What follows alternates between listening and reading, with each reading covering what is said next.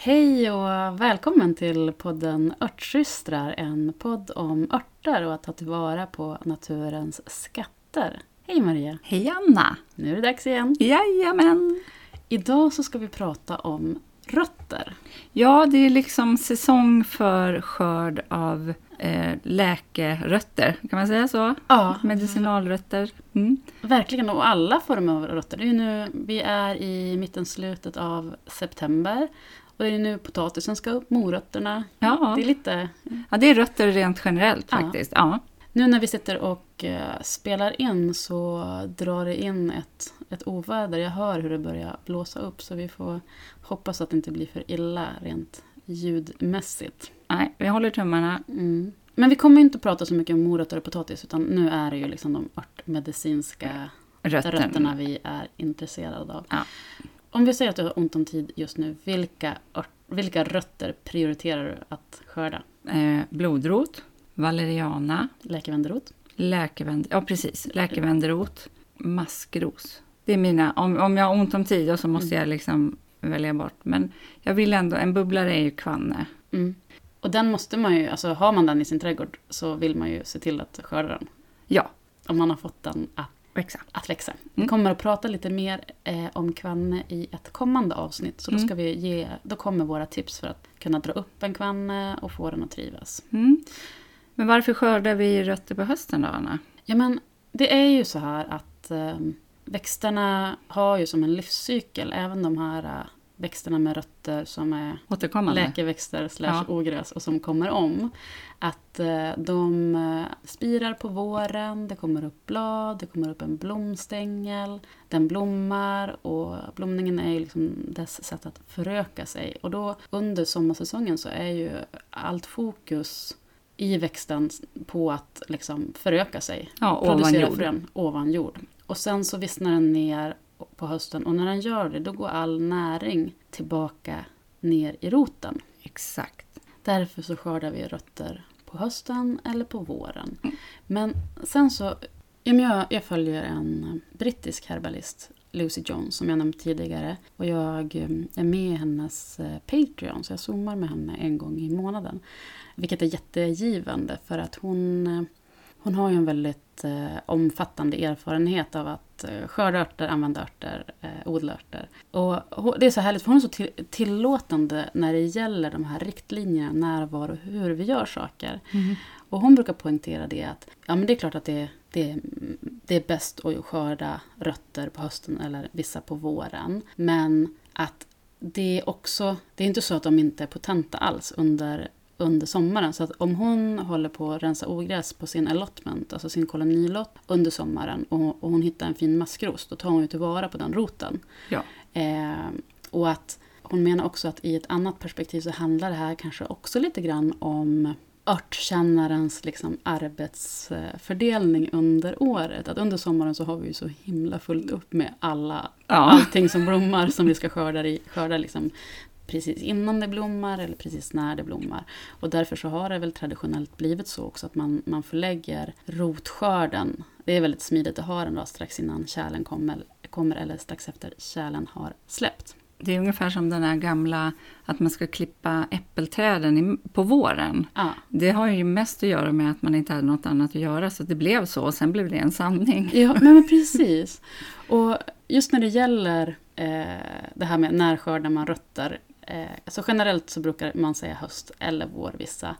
Och så, sen så finns det ju väldigt specifika instruktioner när det gäller vissa rötter som bara är tvååriga. Mm. Och ett exempel är ju kvanne. Ja, eh, kvanne ska man, bör man, eller sägs det, eh, ska man skörda på våren andra året. När den är liksom precis på väg att spränga upp sin jätteblomställning. Eh, då har den som mest eh, kraft. Men det finns ju också ett annat sätt att angripa sig kvanne och det är den fantastiska eh, samiska örtkunnaren Laila Spik som säger hittar du en kvanne så skördar du den. Punkt. Punkt. Och det, och det, är så här, liksom, och det tycker jag är så bra att Ja, men det är väl jättebra om vi optimerar vår skörd, om vi plockar våra örter precis på morgonen när daggen har försvunnit och, Och innan, innan solen sol, är ja. för stark. Men, men det riskerar också att det krånglar till det för oss och vi får aldrig någonting gjort. Utan, Nej, och- för helt plötsligt börjar det regna då. Ja, och det vet ju alla, alla Ja. vi som håller på att det blir som det blir. Och det viktigaste är ju faktiskt att man, man får skördat det man behöver, än Mm. att man gör det optimalt enligt Enligt bo, by the book. by the book. En sak som jag gillar med örtkunskap, eh, som jag tycker och som också är anledningen till att jag gillar att odla mycket och hålla på med trädgård, det är att även om vissa menar att det inte är så, att det finns så många olika sätt att göra saker på. Ja, det finns inget facit. Nej, och vi ska vara medveten om att här i Sverige så lever vi i en sån liten, alltså språkmässigt, det är så, ett sånt litet land och vi har ingen, ingen, inget jättestort arv av stora herbalister, för att, eller örtkännare, för örtkunskapen i Sverige gick ju lite förlorad under några Mm. decennier på 1900-talet. Och sen så finns det ju liksom viktiga pionjärer som ändå har liksom Dels sådana som inte känner till, som Mm. har, har spridit det vidare och håll- hållit örtvandringar och kurser och så. Och sen så finns det ju de som har skrivit böcker Mm. som vi brukar prata om och lyfta fram. Marie-Louise Eklöf, Lisen Sundqvist är en sån, Hella Ja. Horst Bös är en sån. Men när det finns så få aktörer och kunskapsöverförare så är Mm. det så himla lätt att någon liten pekpinne som fanns i någon bok som någon släppte för Mm. 70 år, 50 år sedan kanske reproduceras. Precis som den här, det du säger om beskärningen. Ja, men precis. Och så blir det en sanning Ja. som bara krånglar till det för oss. ja. Och därför så, liksom så här, brukar Maria och jag fnissa lite grann och påminna oss om Laila Spik. Ja. Att hittar man en kvanne så skördar man en, en kvanne. Punkt. Punkt. igen. Eh, och och det ju, har ju lite att göra med, hon har en samisk bakgrund och där så är man på, inte på ett och samma ställe utan man rör sig liksom i, i fjäll. Stora områden. Ja. Och hittar man en kvanne så tog man reda på, tar man naturligtvis reda på den eftersom den, den är, är sällsynt i vissa områden. Mm. Andra områden är den ju väldigt... Andra områden växer den som lupiner. Ja, det fick ju du erfara Ja. i somras. Helt fantastiskt. Men alltså, det finns ju också en aspekt av det här. Det är ju att eh, nu när vi går ut eh, så kan vi inte se läkevänderoten så som den ser ut. Eh, utan vi måste veta var den växte. För nu har den vissnat. Mm. Du, man kan ju se blomställningar, kanske om man har tur. Mm. Men du kan liksom inte egentligen... Och den som jag tycker är svårast att egentligen hitta är ju blodroten. Sen. Mm. När den liksom, Sen, precis. eh, jag fjantar med oss och märker ut dem lite grann. Okej. Eh, just eh, läkevänderoten vet jag så specifikt var den Mm. växer. Men blodroten kan liksom försvinna in i ett myller av annat. Ja. Och jag, det här har jag tipsat om, om tidigare, eh, men det kanske var på mitt Instagram. Att, för det är, det, är många, eller det är en hel del som gärna vill hitta blodrot eftersom du och jag har tjatat så himla Ja. mycket om den den här säsongen. Ehm, och det är ju helt rätt, blodrot är fantastiskt. Men mitt tips det är precis efter första frostnatten. Mm. För att när den första rejäla frosten har kommit, då färgas de. eh, Det är en av de första växterna som blir brun och sladdrig och ful. Om man ger sig ut när frosten fortfarande ligger kvar, ni vet den här första liksom, krispiga hinnan som kommer Mm. och man känner att nu är hösten på väg. Om man ger sig ut i sitt närmiljö den morgonen eller den förmiddagen, då är de jättetydliga. För då har de skiftat till brunt och så har de som en, en iskant. Att de Wow, är vilket så bra tips. vackra, de är som små Alltså, jag har en bild på när jag upptäckte dem i, just i den, det stadiet. För det är ju bara liksom vid ett tillfälle. Mm. Det kan ju skifta liksom. Så jag tycker att om det är så att du... Äh, men jag, och nej, jag missade just den här första frostnatten. Men den kommer ju på lite olika ställen beroende på mikroklimatet. Mm, det gör den. Och, Mm. och nu, än så länge är den ju fortfarande grön och Ja. kan blomma. Så varför inte gräva upp lite nu? Ja, när det går att precis. hitta den. Och även, jag menar, hittar man den mm, mitt i sommaren och gräver upp den då. Det går ju också jättebra, den är Ja. fortfarande potent. Det säger jag också även om andra örter, sådana här som bland annat de som var med i min skördeutmaning på mitt eh, Instagramkonto, Läkarträdgården, i början av eh, sommaren. Då var det liksom nässla, det var hallonblad, daggkåpa. Och särskilt hallonblad och daggkåpa tycker jag är örter som alla kvinnor ska ha hemma. Mm. Och det är klart att i, i, den, i det stadiet av växtcykeln i juni så är de ju sprängfyllda med klorofyll och nä, massa liksom näringsämnen. Nivåerna på olika näringsämnen varierar under cykeln, alltså växtens cykel. Det innebär ju inte att de inte har några på hösten, de har fortfarande mycket... Exakt, så man inte går i den fällan. Ja, och På- det att kan inte är det- nog nu är det poängteras. september, nu kan jag inte. Och jag menar de första gångerna jag började skörda hallon, daggkåpa, rölleka, det var ju när vi började kursen läkeväxter på Ja, folkhögskola. ja, och det var ju i september. Det var i september. ja. Och mitt tips då är ju att liksom gå till en äng som har slagits under sommaren. Mm. Eh, eller en gräsmatta. Och så kommer du hitta nya små fina blad. Och när det gäller hallonblad, vi var ju ute i skogen. Ja, det var ju, de såg ju nästan ut som i, i maj hos mig, juni hos dig. Ja, helt fantastiskt. Och då hittade vi längs med där en skördare hade kört i skogen. Längs med liksom en, en väg. Men det, som, det vi hittade där och då, det är ju, det är skott. Det är Mm. årsskott. Mm. Så att De är ju färska. De är färska, så ut, ut, och, ut och plocka det. Och det är också en sån här grej som Lucy Jones poängterar att, eh, att en del ser till att skörda bladen på hallonen samtidigt som man plockar bären nu. Mm. Eller ja, på sensommaren, det var ju augusti. För att det, det är mer effektivt. Då plockar man bären och så ser man till att få, få med sig bladen. Ja. Sen väljer man ju såklart de, de finaste bladen. Såklart. En rot som vi inte har pratat om det är ju Echinacea, eh, röd solhatt. Den gör jag faktiskt så att jag inte bara skördar roten. Eh, och den skördar jag i slutet av augusti.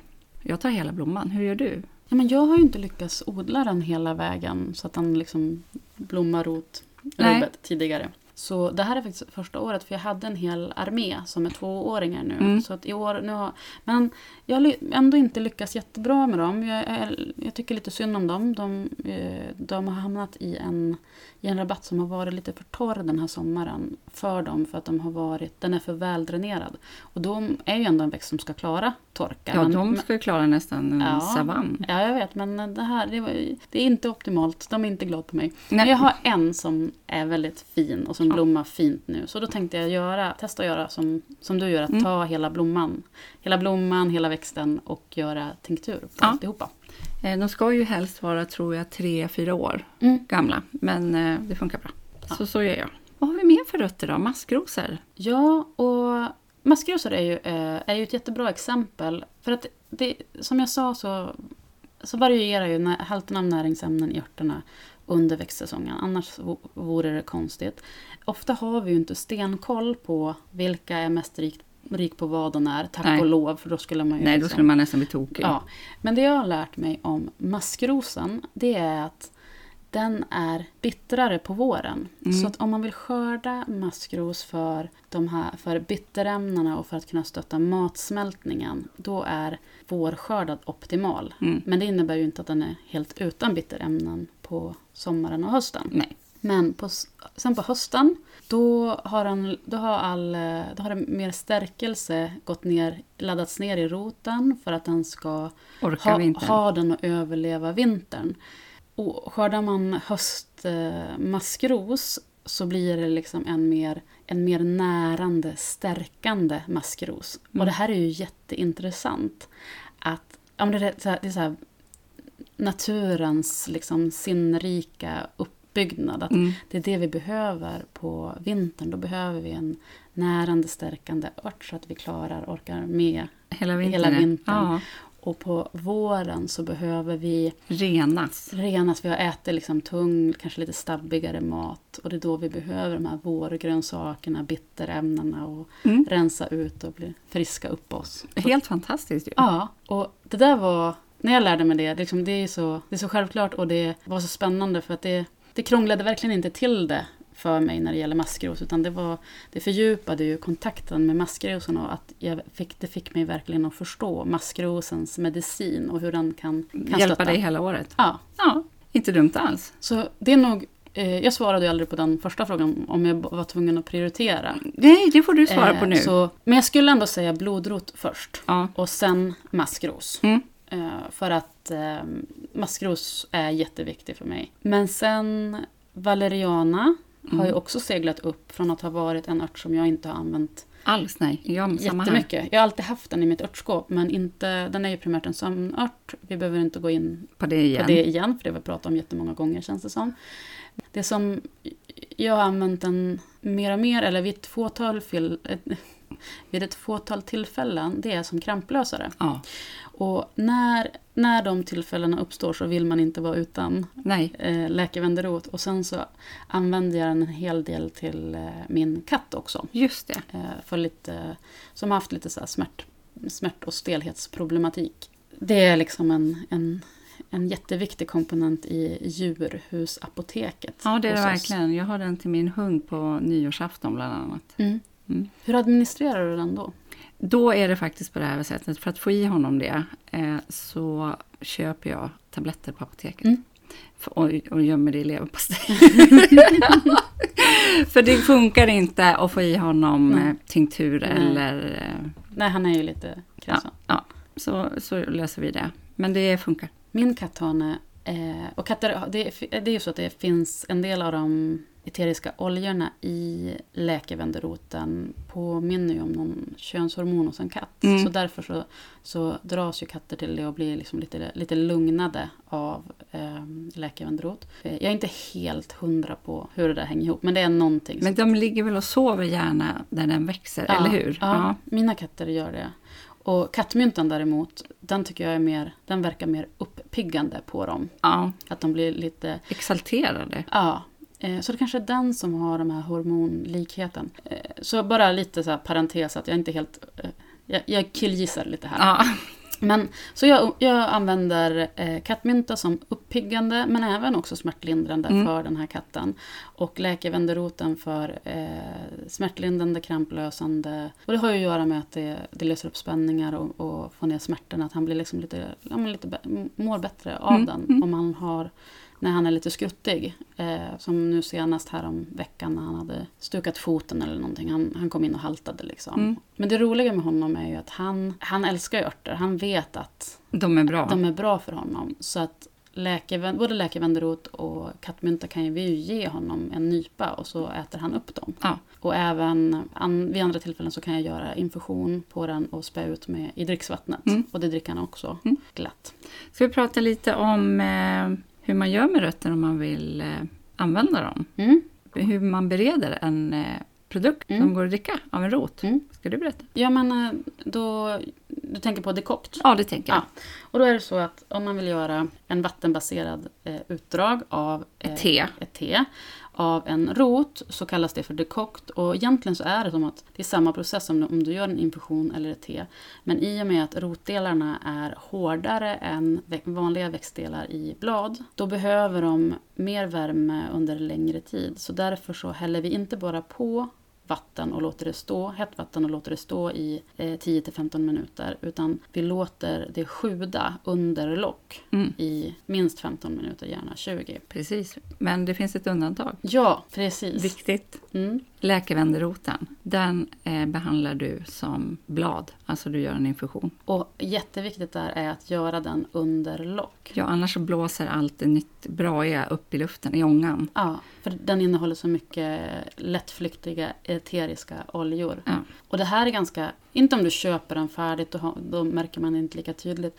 Men om du skördar läkevenderot så märker du det. För att den är inte rotliknande. Den är, liksom, den är mer som en stjälk fast Ja, i, marken. ja. Jättemjuk och vit och doftar väldigt, väldigt starkt. Och det var så intressant i somras för det var många, flera personer som följer mitt Instagram och som, som jag följer som var ute och skördade just läkevenderot i juli. Mm. Och det är ju liksom, nu pratar vi om rötter om man ska skörda dem på hösten, men återigen, det svårt att hitta dem Mm. senare. Och hittar man dem och är nyfiken så skörda och, så att du kan börja utforska och lära känna den här Precis. ärten. Men då var det, det var flera som reagerade just på det där. Men vad är det här för, vad konstig den här roten Ja. är? Alltså, hur ska jag göra med den? Ja. Eh, Men det du ska göra är liksom bara att ja, skölja av den och, och torka den. Mm. Också när vi, när vi hittar rötter, gräver upp dem och ska ta reda på dem så är det viktigt att vi se till att vara... Vi måste ju rengöra dem och få bort allt smuts. Noggrant. Men de ska absolut inte skalas. Och Nej. de ska även, även om man borstar dem så ska man vara ganska försiktig. För att annars så tar vi bort eh, ytan på skalet. Där sitter det väldigt mycket. Nyttigheter. Ja. Ja. Och ett tips är att, men jag vet att det är svårt att följa när man eh, blir så exalterad och så hittar man en rot. Men att har man möjlighet att välja så välj ganska liksom lite yngre, rakare exemplar. Och särskilt, det gäller särskilt maskrosrötter. Mm. Det är ju maffigt när man hittar en så riktigt stor exemplar och lyckas få upp hela alltet. Mm. Men de är ju oftast angripna Mm. och fula och skrovliga. Och det är svårt att, att komma åt. Jag använder tandborste ganska mycket Ah, fiffigt. i just roten. För den är ju ändå ganska mjuk och Ja. kan liksom komma åt väldigt bra på pillriga ställen. Något som, eh, som jag brukar göra, för att det här med rottvättandet, det, gör, det kan eh, gå kopiösa mängder vatten innan man Ja. har sköljt bort jord och så vidare. Så jag har en sån här cykelkorg från Jula som är, liksom, har ett tätt nät. Den Mhm. är svart, kostar kanske 59, 79, 90. Som jag, när jag skördar så lägger jag rötterna där, sen går jag ner till bäcken. Ja, Eh, och liksom försköljer. Ja, drar fram och tillbaka och då får jag bort all, allt jord och liksom överflödsjord. Man, har man inte närhet till ett vattendrag så kan man ju också göra det i liksom någon regntunna eller vad man har. För du vill ju även liksom skölja det en vända och, och liksom lätt gnugga bort det som, det som finns kvar. Det, det sparar supermycket tid Ja, och vatten. och vatten. Ja. Några andra rötter som du gräver upp? Jag har också ålandsrot. Mm. Och sen har jag läkemalva, rot, vallörtrot. Mm. Samma här. Eh, särskilt Ålandsrot och läkemalvarot ska jag skörda. Har jag eh, mycket av som jag har, gått, har, har växt nu då i flera år som Mm. jag ska skörda. Och just Ålandsroten är jag jättepepp på. För Mm. du så, visst hade du sett mina? Har, nej, jag har inte hunnit visa dig Nej. dem. Ja, men för att jag hade Ja, satt just ut det. och jag tror att de här plantorna var överskott som jag fick från dig förra Ja, det var året. det som du trodde hade dött. Ja, de stod ju Eller lite liksom på, lite var så här, de- undrar var de tog vägen. Ja, och så sen så dök de upp. Jag har, jag har ju liksom som ett ställe där jag ställer alla, alla krukor på de här tvååriga som inte har hunnit sättas ut. Och de kom ju jättefint och starkt och så lyckades jag faktiskt plutta ut dem ganska tidigt innan det blev lite mycket i juni. Mm. Så de fick en, en, en rensad bädd, fin bädd som är i lite så skuggläge. Så det är perfekt för, använd dem. Kvanne, ålandsrot, läkemalva, jag har lite jordärtskockor där. Så de har ju vuxit fint. Och så nu i början av augusti stod jag och tittade på dem och så bara, åh vad fint de tar sig. Det här ser ju jättebra ut. Och så sen en dag efter så var det nymåne. Och det händer ju någonting med växterna vid nymåne. För när jag såg dem nästa gång så hade de liksom vuxit 50% till. Alltså bladen. Det är så här, man, när, man, du vet, när, man när man ser en växt och så ser man liksom att den är så vibrant som man Ja. säger på engelska. Att jag ser att den är så kraftfull, välväxande och att den är full Tänk om du hade haft en liv. kamera där Ja, och bara gjort såna här ja snap- det hade ju varit hur coolt som helst. Ja. Kommer aldrig hända för det skulle kräva liksom fokus. ja. mitt i sommarsäsongen. Nej men, eh, men du, nu så eh, börjar det dra, bli dags att eh, runda av det här samtalet. Men vi brukar ju avsluta med ett tips. Mm.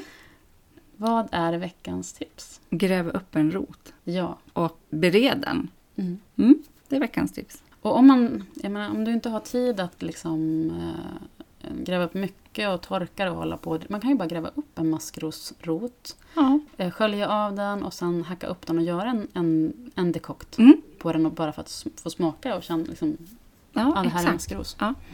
Ja, vi ska väl också säga att rötter behöver man torka med, med lite värme. Det är inte alldeles enkelt att bara lägga dem i ett rum. Nej, Och många, på lufttorkning. Jag har faktiskt haft ett gäng maskrosrötter på lufttorkning eh, under sommaren.